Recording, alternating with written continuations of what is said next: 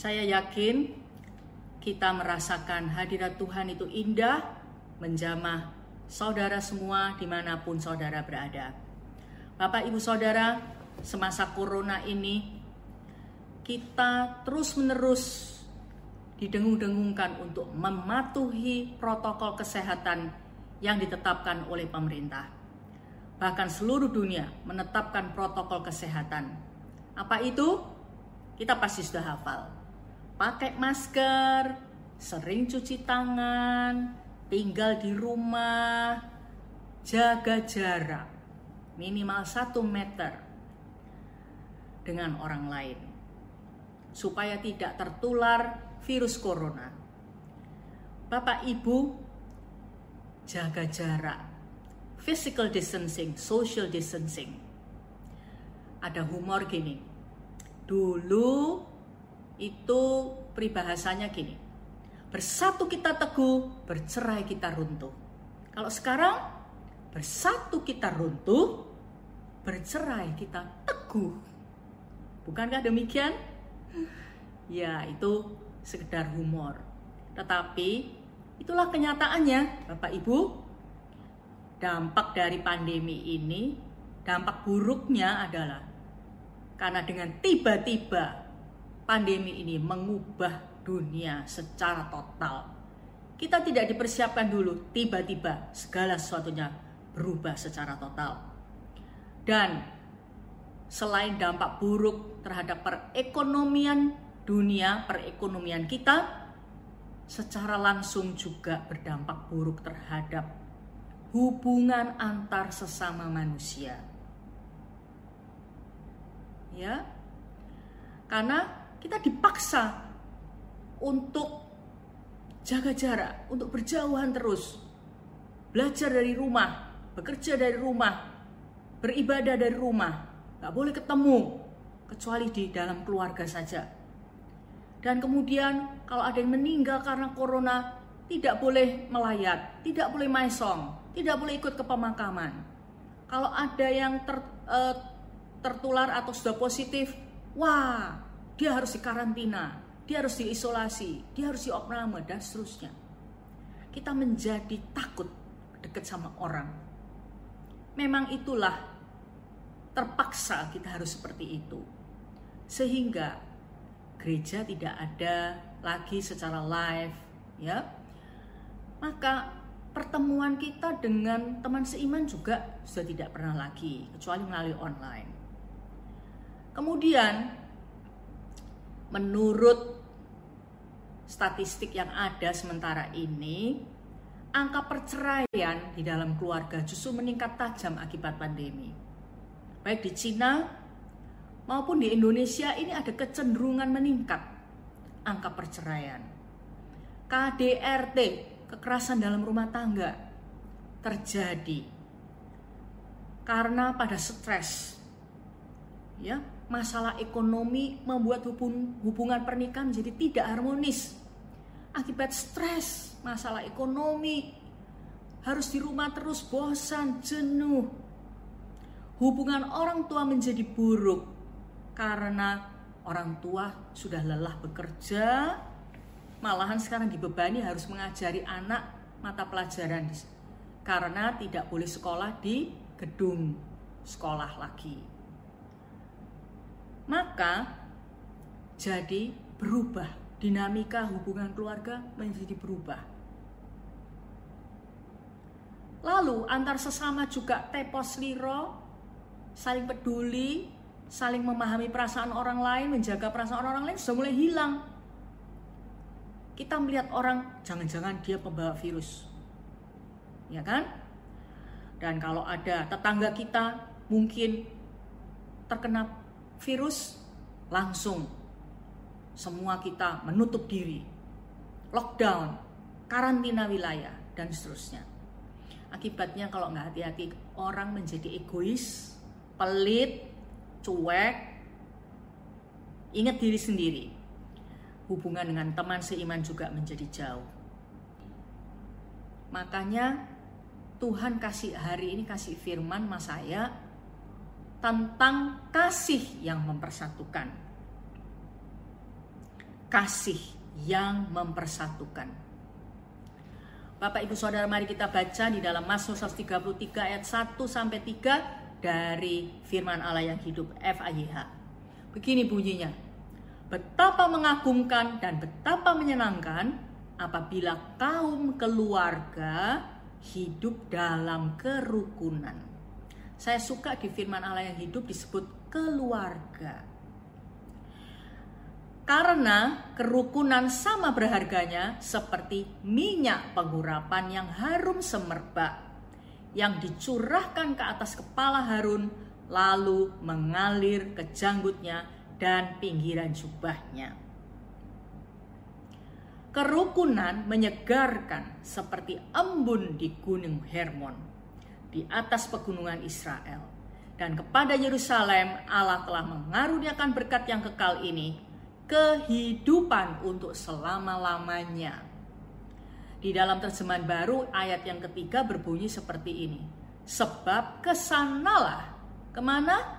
Kepada keluarga yang rukun, Tuhan memerintahkan berkat kehidupan untuk selama-lamanya. Wow, luar biasa ya kerukunan itu ya. Keluarga yang rukun sangat mengagumkan dan sangat menyenangkan. Saya mau berbicara yang pertama tentang kerukunan dalam keluarga serumah, keluarga kandung, keluarga fisik.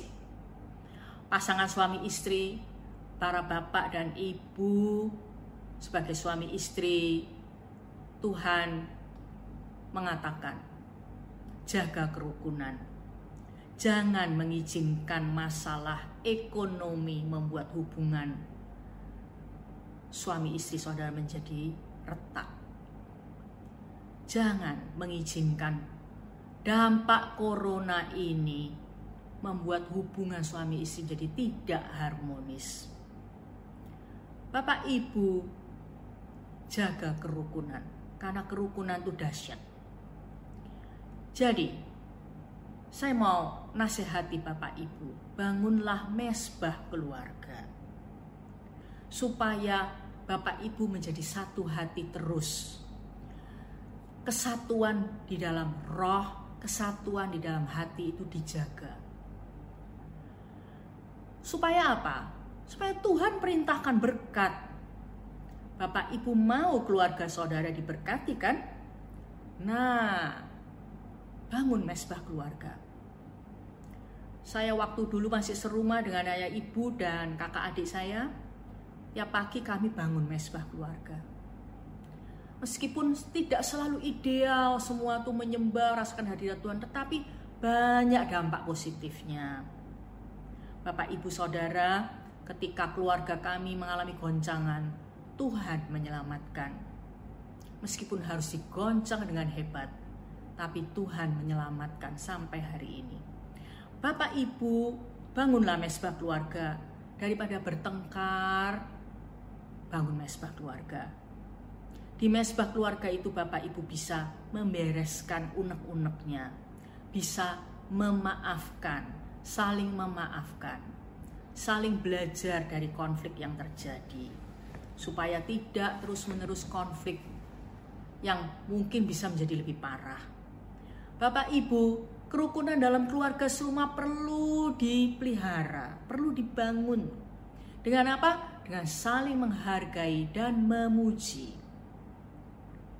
Bapak Ibu Saudara, pasangan suami istri tidak saling menuntut, tidak saling menekan, tidak saling merendahkan, tetapi justru saling menghargai dan memuji.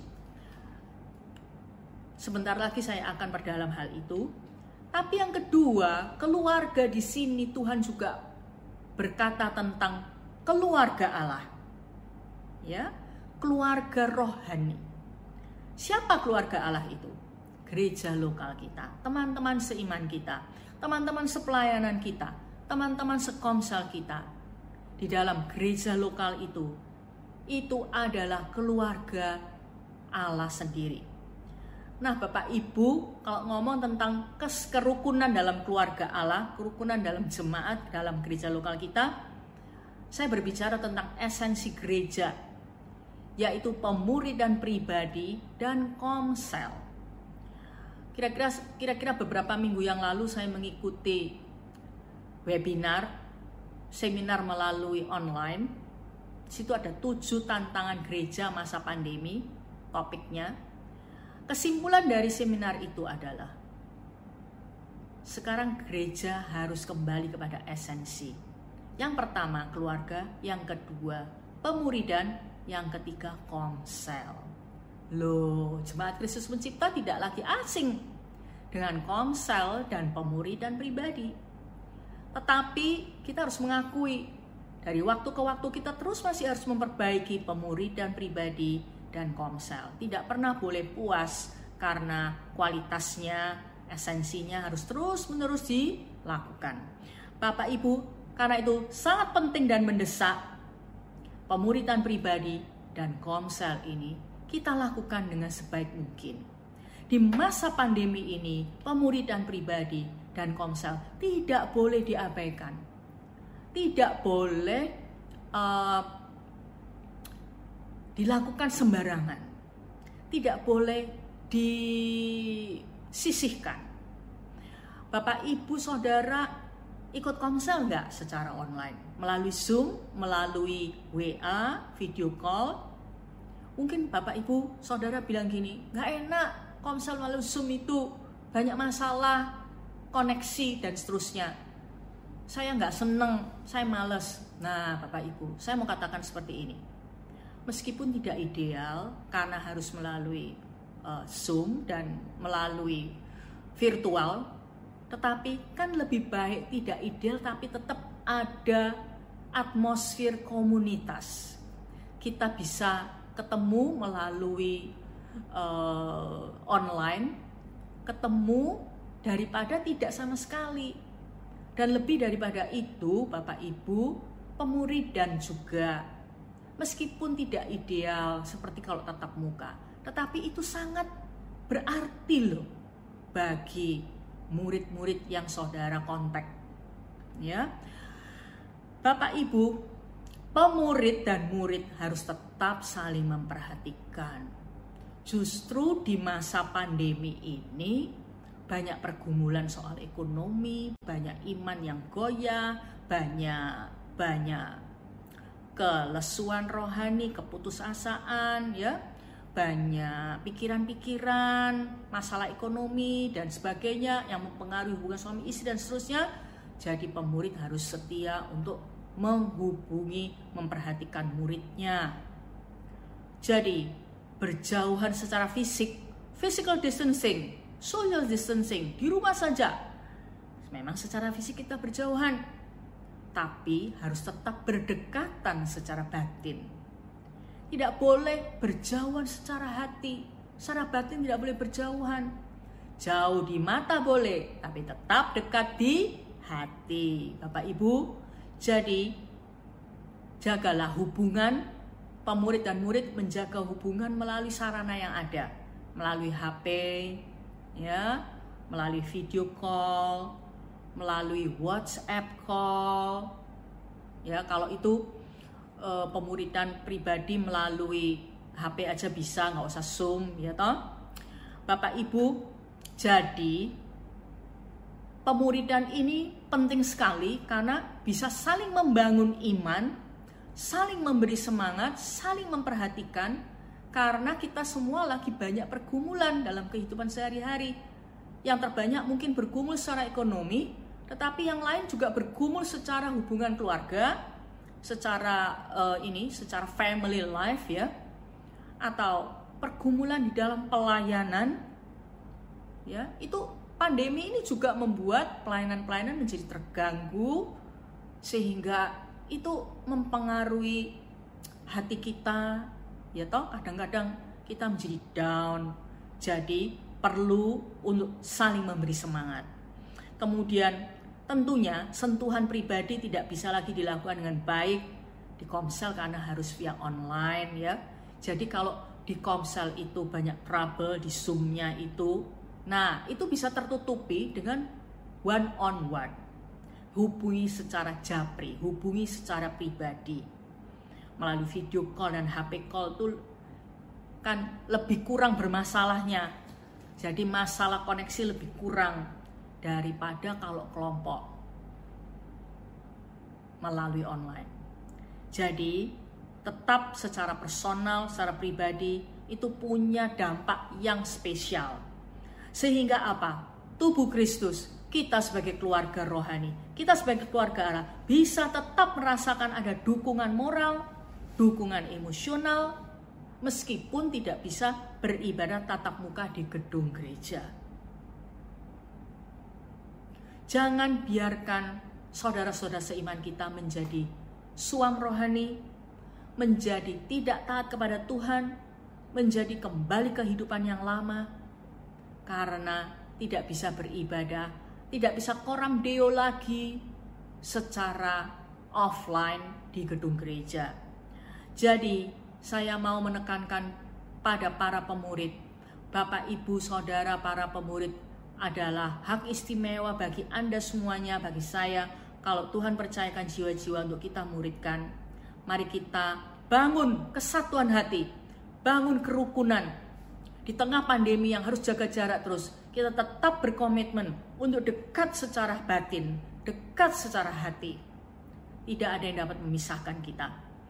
Nah, kembali lagi ke Mazmur 33 tadi, FIH, betapa mengagumkan, betapa menyenangkan apabila kaum keluarga hidup dalam kerukunan. Karena kerukunan sama berharganya seperti minyak pengurapan yang harum semerbak dan seterusnya. Sekarang saya mau bedah sedikit tentang kerukunan itu berharga seperti minyak pengurapan. Di dalam Keluaran 30 ayat 22 sampai 33, di situ Tuhan memberikan uh, resepnya ataupun aturannya, bahan-bahan untuk membuat minyak pengurapan di situ diberitahukan secara rinci. Tetapi salah satu yang paling bahan uh, pengurapan yang paling penting adalah minyak zaitun. Jadi minyak pengurapan kalau di Alkitab itu dibuat dari minyak zaitun dengan rempah-rempah yang lain. Bapak Ibu, apa toh minyak zaitun itu? Yang dijadikan minyak urapan itu. Kalau di Alkitab minyak urapan itu sangat penting sekali peranannya.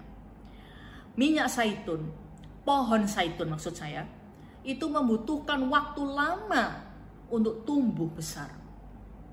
Namun, pohon zaitun itu bisa hidup ratusan tahun lamanya. Berbicara tentang apa ini? Lambang stabilitas, kestabilan, tidak goyah, stabil, dan lambang kemakmuran. Itu di ulangan 8 ayat 8, Yoel 2 ayat 19 dan 24. Bapak Ibu, keluarga yang rukun itu akan menjadi keluarga yang stabil, keluarga yang kokoh, dan keluarga yang makmur, keluarga yang solid dan makmur. Bapak Ibu yang sudah menikah, teman-teman yang masih single pasti ingin mempunyai keluarga yang seperti itu, bukan? Karena itu, bangunlah kerukunan. Selanjutnya, minyak urapan, minyak zaitun itu lambang Roh Kudus. Nomor satu, raja-raja di zaman Alkitab khususnya di perjanjian lama kalau dilantik itu dia diurapi dengan minyak urapan, minyak zaitun yang sudah dibuat dengan racian seperti dalam keluaran 30 tadi. Pelantikan raja itu tanda minyak urapan itu tanda Tuhan berkenan atas orang itu dan dilantik menjadi raja. Bapak Ibu, keluarga yang rukun itu Tuhan berkenan. Apa sih artinya Tuhan berkenan? Perkenanan Tuhan itu apa sih artinya? Tuhan berkenan tuh hanya Tuhan senang sama keluarga saudara kalau rukun. Tuhan setuju. Tuhan memberi kebaikan di luar kebiasaan bukan kebaikan-kebaikan yang biasa, tapi kebaikan-kebaikan yang luar biasa. Tertarik kan Bapak Ibu? Kita semua mau kan Tuhan berkenan? Nah, selanjutnya Roh Kudus atau minyak urapan itu itu adalah lambang pengudusan. Karena benda-benda di bait Allah dan imam-imam yang melayani di bait Allah itu harus diurapi. Artinya dikuduskan supaya layak dipakai oleh Tuhan melayani di bait Allah. Keluarga yang rukun itu dikuduskan, dilayakkan, dibuat memenuhi syarat untuk melayani Tuhan. Ya. Yang ketiga, Yakobus 5 ayat 14 kalau ada orang yang sakit, mintalah penatua untuk mengurapi dengan minyak. Jadi, minyak urapan lambang Roh Kudus itu juga bicara tentang penyembuhan. Wow, luar biasa. Keluarga yang rukun, hatinya disembuhkan dari luka-luka masa lalu, luka-luka batin. Penyakit-penyakit juga disembuhkan. Keluarga yang rukun itu sama berharga. Kerukunan sama berharga seperti minyak urapan. Yang terakhir dari catatan saya, minyak urapan itu berbicara tentang pembebasan dalam kisah 10 ayat 37 sampai 38. Di mana ada roh Allah, di situ ada kemerdekaan. Tuhan Yesus diurapi untuk membebaskan orang yang terikat. Saudara-saudara, keluarga yang rukun, komunitas yang rukun, keluarga serumah, keluarga Allah yang rukun. Masing-masing anggotanya akan dibebaskan, dimerdekakan dari keterikatan-keterikatan yang membelenggu, yang menyiksa. Nah, itu artinya dari Mazmur 133 ayat 2. Kerukunan sama berharga dengan minyak urapan yang harum semerbak. Ayat 3, Mazmur 133, kerukunan menyegarkan seperti embun di gunung Hermon. Ke sanalah Tuhan memerintahkan berkat. Saudara-saudara, Gunung Hermon, beberapa fakta sedikit tentang Gunung Hermon. Tingginya Gunung Hermon ini 2814 meter di atas permukaan laut. Karena itu mendapat curah hujan yang paling banyak di musim dingin dan aliran dari salju di atas Gunung Hermon pada musim dingin itu ketika mencair alirannya itu menjadi aliran-aliran mata air di kaki gunung dan menyatu menjadi sungai Yordan. Dan Gunung Hermon, air yang mengalir dari puncak Gunung Hermon ini akhirnya menjadi supply sumber air minum bagi orang Israel di negara Israel. Bapak Ibu, kerukunan itu menyegarkan. Air embun di pagi hari sangat menyejukkan dan menyegarkan. Membuat aliran-aliran mata air itu mengalir turun. Dan dari puncak Gunung Hermon itu mengalir ke Bukit Sion, ke selatan. Bukit Hermon, apa Gunung Hermon itu di utara, sedangkan Bukit Sion itu di mana kota Yerusalem berdiri, itu ada di selatan. Jadi berkat itu turun dari atas ke bawah Benar sekali ayat ini. Tuhan memerintahkan berkat ke atas keluarga dan komunitas yang rukun. Jelas sekali. Berkat apa saja yang namanya kerukunan itu menyegarkan itu artinya apa Bapak Ibu?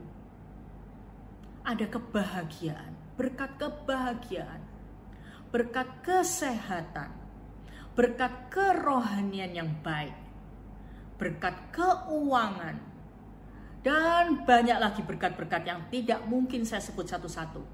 Bahkan seluruh keluarga kalau rukun ini sampai di surga tetap ketemu di surga. Jadi berkat yang kekal. Bukan hanya kaya, banyak uangnya, tapi suami istri nggak rukun orang tua anak nggak rukun, berpihak-pihak, ya kan? Jadi alangkah pentingnya kita hidup di dunia yang kehilangan kasih ini. Di dalam suatu keluarga, Allah keluarga serumah yang rukun. Tuhan memerintahkan berkat kehidupan yang kekal dari dunia ini sampai di surga nanti. Sebenarnya kalau kita renungkan, mengapa sih kerukunan itu begitu utama banget bagi Tuhan? Mengapa? Nah kata rukun itu di kamus besar bahasa Indonesia itu artinya damai, tidak bertengkar, bersatu hati, bersepakat. Tetapi apakah artinya rukun itu tidak ada perbedaan pendapat? Bukan. Rukun bukan berarti tidak ada perbedaan pendapat, bukan berarti tidak ada perbedaan kepribadian. Tidak mungkin. Suami istri berbeda kepribadian itu memang lumrah, banyak itu nggak apa-apa. Sering beda pendapat memang normal dan itu memang wajar. Rukun itu bukan berarti nggak ada beda pendapat, nggak ada beda pribadian. Juga rukun bukan berarti sama sekali nggak ada konflik. Mana mungkin ada keluarga yang nggak pernah konflik? Mana mungkin teman seiman keluarga Allah nggak pernah konflik? Nggak mungkin, ya kan? Tapi rukun itu berarti memilih untuk menerima orang lain yang berbeda, saling menerima satu dengan yang lain. Dan meskipun berbeda, berkomitmen memelihara persatuan. Rukun bukan berarti tidak pernah konflik, tetapi memilih untuk menerima satu dengan yang lain dalam perbedaan dan berkomitmen memelihara persatuan meskipun banyak bedanya. Itu yang penting. Kemudian yang berikutnya, mengapa kerukunan itu begitu utama bagi Tuhan? Jadi, meskipun kesatuan itu bukanlah keseragaman, unity is not uniformity.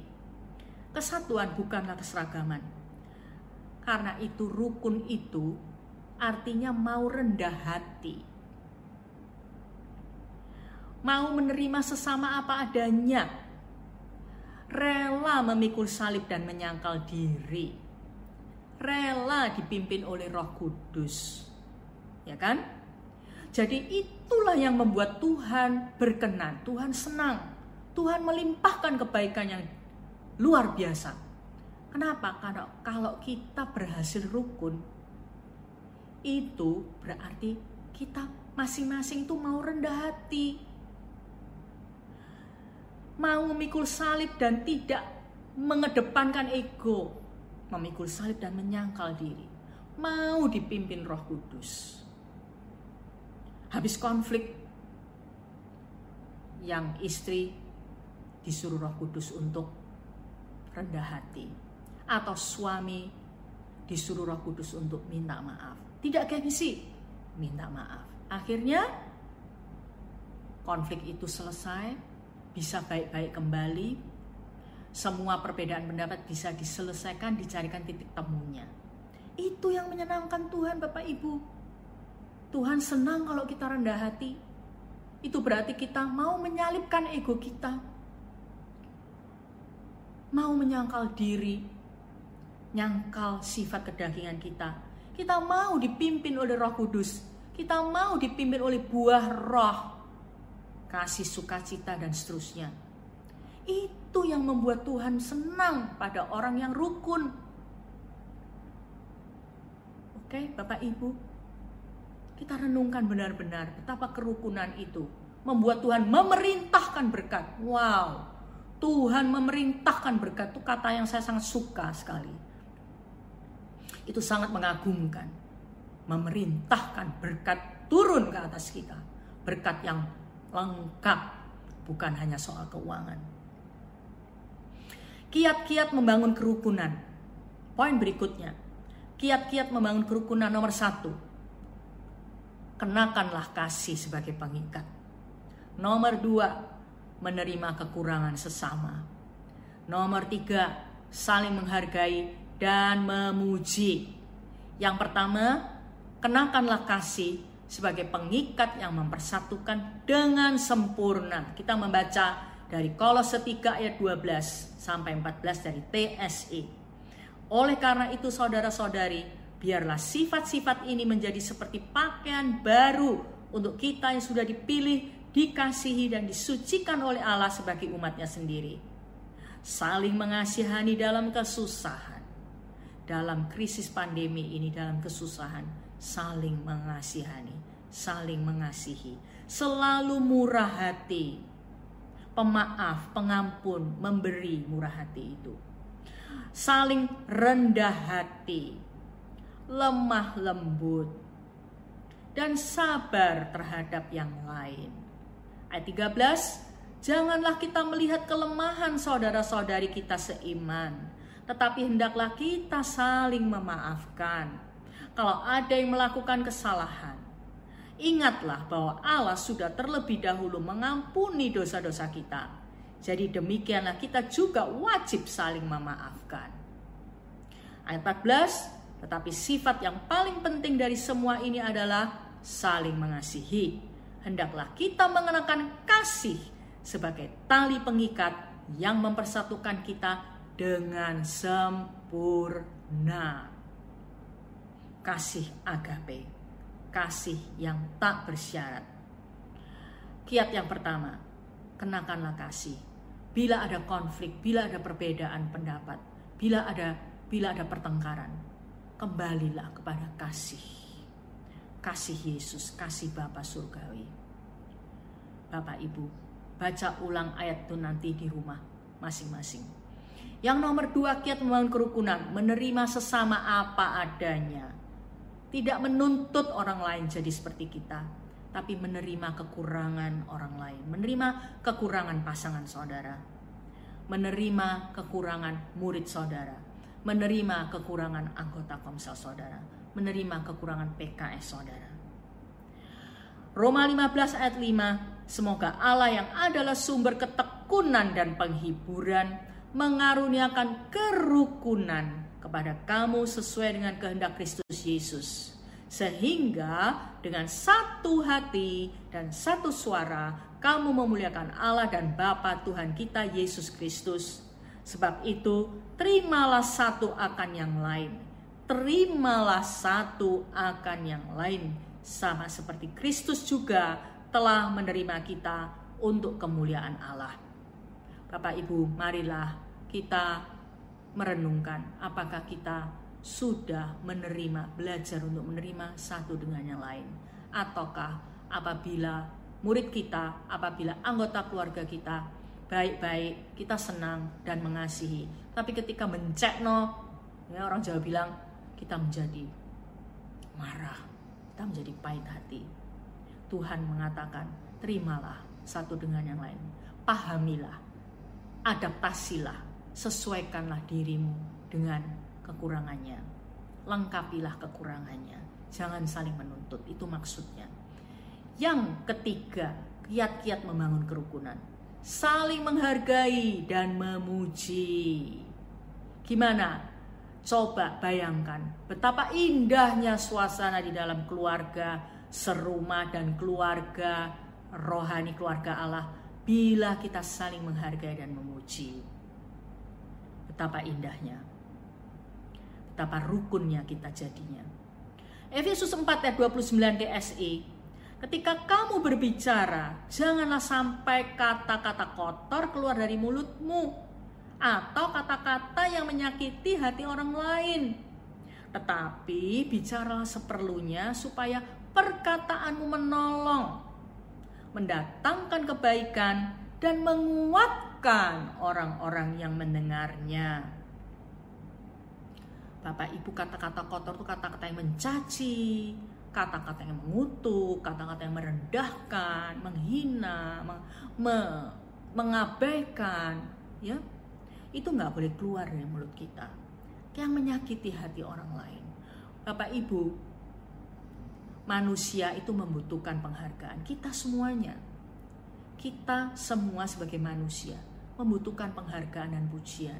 Suami saudara, istri saudara, anak saudara, orang tua saudara, PKS saudara, pendeta saudara, pemimpin divisi saudara, murid saudara, pemurid saudara. Itu membutuhkan penghargaan dan membutuhkan pujian. manusia itu mampu menunjukkan prestasi terbaiknya ketika tangki emosionalnya penuh. Kita semua punya tangki emosional. Nah, ketika tangki emosional kita kosong, kita sulit sekali menunjukkan prestasi terbaik kita. Sebaliknya, kalau tangki emosional kita penuh, ya, kita mampu menunjukkan prestasi terbaik kita. Karena itu, supaya tangki emosional kita penuh, supaya tangki emosional suami saudara penuh, istri saudara penuh, berikanlah dorongan semangat, berikanlah apresiasi, hargai, pujilah dia. Bapak Ibu, kita semua membutuhkan hal itu. Pengaruh apresiasi itu sangat luar biasa. Karena itu bangunlah sifat yang baru, yaitu sering mengungkapkan apresiasi saudara. Ya, beberapa minggu yang lalu saya mendorong saudara untuk membangun sifat bersyukur. Jadi, rasa terima kasih, rasa syukur kita kepada pasangan kita, kepada sesama kita yang lain, itu kita harus ungkapkan kepadanya. Harus sering-sering pada waktu-waktu yang tepat Jangan diketek di hati sendiri. Jangan diemin di dalam hati sendiri. Oh ya dia bagus loh, tapi diem. Harus diungkapkan apresiasi saudara. Jadi pasangan suami istri sering-seringlah memuji dan menenangkan. Gak apa-apa, meskipun sekarang ini pemasukan keuangan kita melorot banyak. Ayo kita doa bareng ya. Ayo kita berjuang bersama. Kita uh, hemat banyak nggak apa-apa bersyukur loh masih punya penghasilan semua sedikit ditenangkan bukannya dituntut bukannya dihina para PKS sering-seringlah mengapresiasi anggota komsel saudara anggota komsel sering-seringlah mengapresiasi PKS saudara sesama anggota komsel sesama teman seiman sesama pemurid atau pemurid dan murid sering-seringlah mengapresiasi satu dengan yang lain. Nanti saudara akan membuktikan betapa kemajuan-kemajuan mereka akan terjadi dengan luar biasa. Kenapa? Karena tangki emosionalnya penuh, dikasih apresiasi, disemangati, sehingga prestasi terbaiknya muncul. Sebaliknya, kata-kata negatif itu menghancurkan semangat, menghancurkan iman. Bapak Ibu, kata-kata yang menyakitkan itu ibarat paku yang ditancapkan ke kayu. Ya. Meskipun sudah minta maaf, ibarat paku itu udah dicabut dari lubangnya, eh dari kayunya, tapi lubang bekas paku itu tidak bisa hilang. Memaafkan memang tapi efek kata-kata negatif itu membuat sesama atau pasangan kita punya perasaan rendah diri, punya perasaan tertolak. Ya, misalnya, gara-gara kamu suami yang nggak becus cari uang, sekarang kita nggak punya tabungan. Lihatin dalam keadaan pandemi gini, soro kita, utangnya banyak sekarang ini. Nah, gegeran kan, konflik istrinya minta maaf. Tapi di hati suami itu sudah maafkan. Tapi efek dari kata-kata penghinaan itu, merendahkan itu, itu nggak mudah hilang. Makanya para suami harus bisa curhat sama Bapak, ketemu sama Bapak di dalam doa, dalam penyembahan, supaya kasih Bapak menyembuhkan. Tapi saya tahu bagi beberapa orang efek dari kata-kata yang negatif yang menyakitkan itu sulit lama sekali meskipun bukan berarti saya juga mengiyakan atau menyetujui kalau saudara itu kepahitan enggak tapi memang begitu saudara efek dari kata-kata negatif itu ya ada suatu poster itu yang saya mau tunjukkan pada saudara mungkin dari segi desain nggak terlalu indah tetapi kata-katanya bagus berkata seperti ini Berhati-hatilah dengan perkataan dan perbuatan. Jika sudah melukai hati seseorang, bagaikan sebuah paku yang menancap pada kayu. Walaupun sudah dicabut, tetap meninggalkan bekas. Para suami mengatakan, aku kecewa sama kawin sama kamu ini. Kamu jadi istri yang gak berfungsi. Jadi istri yang lolak-lolok. Gak bisa nolongin suami cari uang. Dan sebagainya. Meskipun sudah minta maaf ma, maafkan ya ma. Tapi bekas paku pada kayu. Lihat slide ini saudara. Bekas paku pada kayu itu tidak bisa hilang. Butuh waktu untuk si istri itu sembuh. Karena dia sekarang merasa tertolak, apalagi kalau itu diucapkan berkali-kali.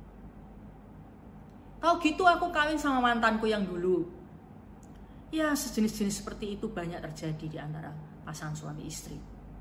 Bapak ibu meskipun sudah minta maaf sudah baikan lagi. Tapi efek dari kata-kata negatif itu itu lama. Ya. Efeknya, dampak buruknya itu nggak bisa sebentar aja kita tuntut untuk loh aku kan sudah minta maaf kenapa kamu kok masih inget-inget terus itu seperti bekas paku pada kayu Bapak Ibu makanya tadi Efesus 4 ayat 29 bilang jangan menyakiti hati orang lain mari kita bangun kerukunan karena Tuhan akan memberkati keluarga yang rukun nah kisah-kisah kemenangan atau kesaksian yang saudara-saudara kumpulkan selama beberapa minggu terakhir ini itu sangat membangun iman. Itu yang kita perlu. Ya, selain apresiasi dan seterusnya itu, kesaksian-kesaksian saudara itu sangat menguatkan orang-orang yang membaca. Bukan hanya kepada teman seiman di gereja yang yang mengalami menghadapi uh, krisis ekonomi yang berat. Saya sendiri membaca semua kesaksian saudara sangat dihibur, sangat bersyukur punya jemaat yang punya pengalaman-pengalaman pribadi dengan Bapak, dengan Roh Kudus. Karena itu sharing-sharing pengalaman-pengalaman dengan Tuhan, terus mari kumpulkan bagaimana dengan saudara-saudara yang lain yang belum mengumpulkan kesaksian-kesaksian. Pengalaman-pengalaman tidak perlu harus spektakuler, dramatis. Bagikan supaya iman kita semua dikuatkan, supaya kita semuanya tangki emosional kita menjadi penuh dan kita bisa mencapai prestasi terbaik dalam pelayanan, dalam hidup berkeluarga, dalam pekerjaan, dalam studi kita dan seterusnya. Bapak Ibu, Efesus 2 ayat 14. Hari ini kita akan berjalan kudus. Saya bicara tentang kerukunan, Tuhan kasih firman ini. Apabila sudah terjadi perseteruan, apabila sudah terjadi uh, keretakan dalam hubungan keluarga serumah atau keluarga Allah. Mari izinkan kuasa salib Yesus merobohkan tembok perseteruan. Di dalam Efesus 2 ayat 14 dikatakan, karena dialah damai sejahtera kita yang telah mempersatukan kedua pihak dan yang telah merobohkan tembok pemisah yaitu perseteruan. Yesus mati di kayu salib dia mau mempersatukan suami istri, orang tua dan anak, keluarga-keluarga Allah di gereja, di komsel, hubungan-hubungan teman seimannya tidak harmonis lagi. Tuhan mau mempersatukan kita semuanya. Tuhan robohkan tembok perseteruan itu. Bapak Ibu, karena itu mari ambil langkah. Kalau pasangan suami istri, Bapak Ibu masih terus ada pemisah perseteruan di hati. Mari rekonsiliasi, mari saling berdamai. Berdoa bersama saling maafkan, ngomong apa yang bisa dipelajari dari konflik. Bangunlah kebiasaan untuk konflik tapi konflik yang sehat. Dan bangun mesbah keluarga. Kalau saudara-saudara sudah nggak enak hati sama pemimpin rohani, PKS, pemimpin rohani yang lain, mari berdamai, ambil waktu untuk telepon, video call untuk bikin beres. Jangan dipelihara. Mari kita rukun supaya Tuhan memakai hidup kita, memberkati kita selalu. Mari rekonsiliasi dengan teman seiman. Pemurid dan murid yang hubungan sudah tidak harmonis, mari rekonsiliasi, bereskan, maafkan, saling rendah hati. Atau kalau saudara-saudara bukan ada keretakan atau nggak ada masalah, ya udah, ayo saling menghubungi teman menghubungi teman seiman ngobrol-ngobrol di telepon ya, sharing-sharing pengalaman dengan Tuhan supaya atmosfer uh, gereja, atmosfer tubuh Kristus, atmosfer keluarga Allah itu terus tercipta. Sehingga meskipun physical distancing, jaga jarak, jauh, disuruh jauh secara fisik, tapi tetap dekat di hati, tetap rukun, tetap sepakat. Sehingga luar biasa yang Tuhan lakukan di dalam hidup kita. Setelah ibadah online ini, jangan hanya mendengar tapi lakukan. Perlu rekonsiliasi atau perlu saling menghubungi. Siapa teman-teman di gereja yang sudah lama saudara nggak ketemu, nggak pernah kontak berapa bulan ini? Ayo kontak lagi. Sharing pengalaman dengan Tuhan, ya biar ada sukacita, biar ada semangat yang baru. Saudara-saudara, kerukunan mendatangkan berkat. Ketidakrukunan menjauhkan berkat. Yang mana yang saudara pilih? Pasti yang mendatangkan berkat kan? Karena itu mari kita bangun kerukunan dengan siapa pun, dengan keluarga serumah dan dengan keluarga Allah. Saudara-saudara, ada sepasang suami istri di dalam jemaat kita, Bapak Riki dan Ibu Wulan dengan anaknya dua anak yang masih kecil. Bapak Ibu awal uh, corona akhirnya harus kerja dari rumah Pak Riki sangat diliputi dengan kekhawatiran. Cukup stres dan cemas. Tetapi Pak Riki dan Ibu Mulan memilih untuk lebih dekat dengan Tuhan. Lebih banyak berdoa dan ini satu hal yang saya apresiasi mereka. Dulu tidak pernah berdoa bersama, tidak pernah membangun mesbah keluarga.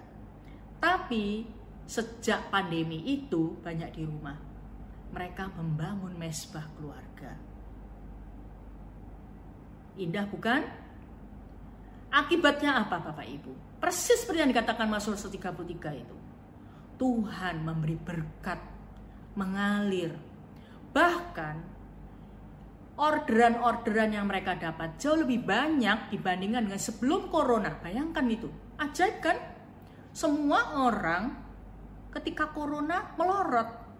Malah Pak Riki dan Ibu Wulan setelah corona malah berlimpah-limpah orderannya. Rezekinya berlipat-lipat. Sehingga mereka membagikan bisa membagikan 50 paket sembako kepada teman-teman warga-warga yang sedang kekurangan karena dampak corona itu. Mereka kebanjiran order sampai tetangganya, family-familinya, customer-customernya heran. Sampai ada yang bertanya, pakai dukun mana? Kok bisa banyak orderan? Kok bisa rezekinya nomplok gitu loh. Wah, pakai dukun mana katanya gitu. Akhirnya Pak Riki bisa menceritakan tentang Yesus. Indah bukan? Bapak Ibu dengan adanya corona semakin banyak bertengkar, semakin banyak sewot-sewotan, semakin banyak stres kumpul di rumah terus semakin banyak konflik. Atau semakin banyak berdoa, semakin membangun mesbah keluarga. Pilih yang nomor dua, Bapak Ibu. Hati Anda sebagai suami istri orang tua anak disatukan oleh kasih Kristus di dalam doa itu. Ya, di dalam mesbah keluarga itu selesaikan semua konflik. Minta maaf, saling rendah hati. Lihat bagaimana Tuhan memerintahkan berkat keuangan, kebahagiaan, kesejahteraan, kesehatan, kerohanian yang kuat, bahkan sampai di surga nanti tetap satu kompak seluruh keluarga serumah ada di surga bersama-sama. Dan keluarga Allah juga sampai di surga bersama-sama. Berkat yang kekal itu kita nikmati sampai di kekekalan nanti. Bapak Ibu, saya mau kita sekarang mempersiapkan hati untuk perjamuan kudus. Salib Yesus itu mempersatukan, merobohkan tembok pemisah. Izinkan kasih Yesus menyembuhkan hati yang terluka oleh perkataan-perkataan negatif sesama suami istri atau sesama keluarga Allah. Mari Bapak Ibu siapkan hati saudara dan Sebelum perjamuan kudus, saya ingin mengajak Bapak Ibu untuk merenungkan firman. Mari kita tundukkan kepala.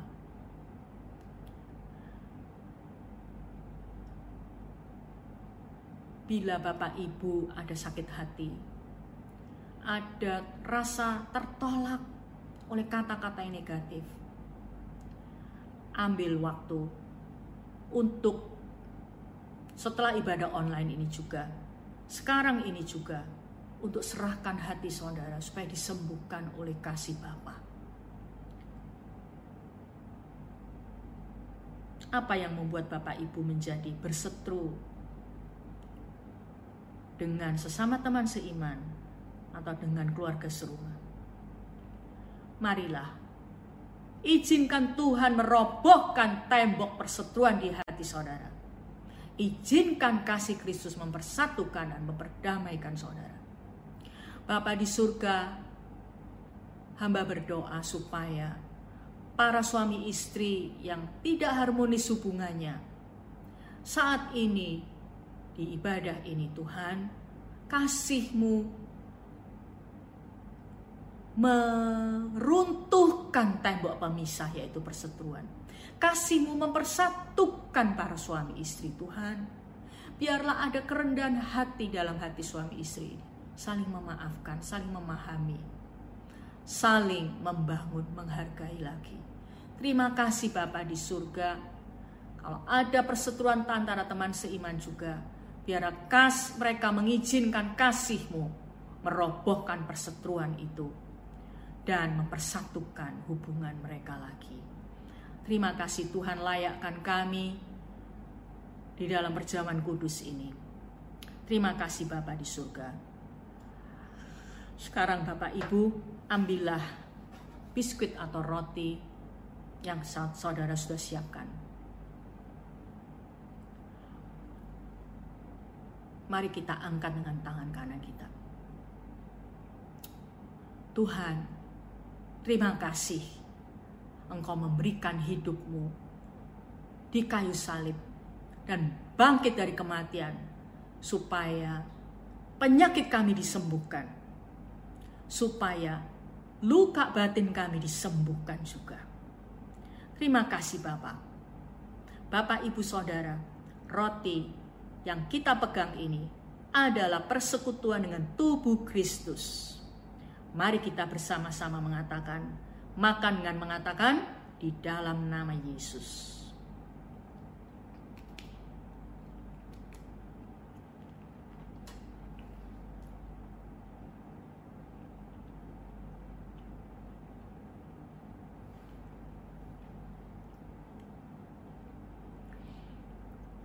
Mari saudara ambil teh atau sirup merah yang sudah disiapkan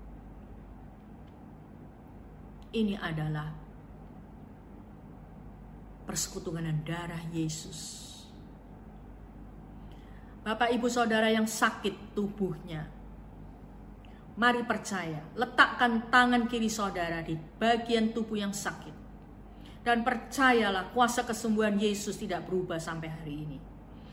Aku minta Bapak di dalam nama Yesus mereka yang sakit, organ tubuhnya. Di dalam nama Yesus engkau sembuhkan. Oleh kuasa bilur-bilur Yesus. Darah Yesus menyembuhkan semua penyakit secara total di dalam nama Yesus. Semua penyakit kami hardik di dalam nama Yesus. Dan aku minta mengalir kuasa kesembuhan di dalam tubuh jemaat. Terima kasih Bapak, Bapak Ibu Saudara. Anggur atau teh yang kita pegang ini adalah persekutuan dengan darah Yesus. Mari kita minum bersama mengatakan di dalam nama Yesus.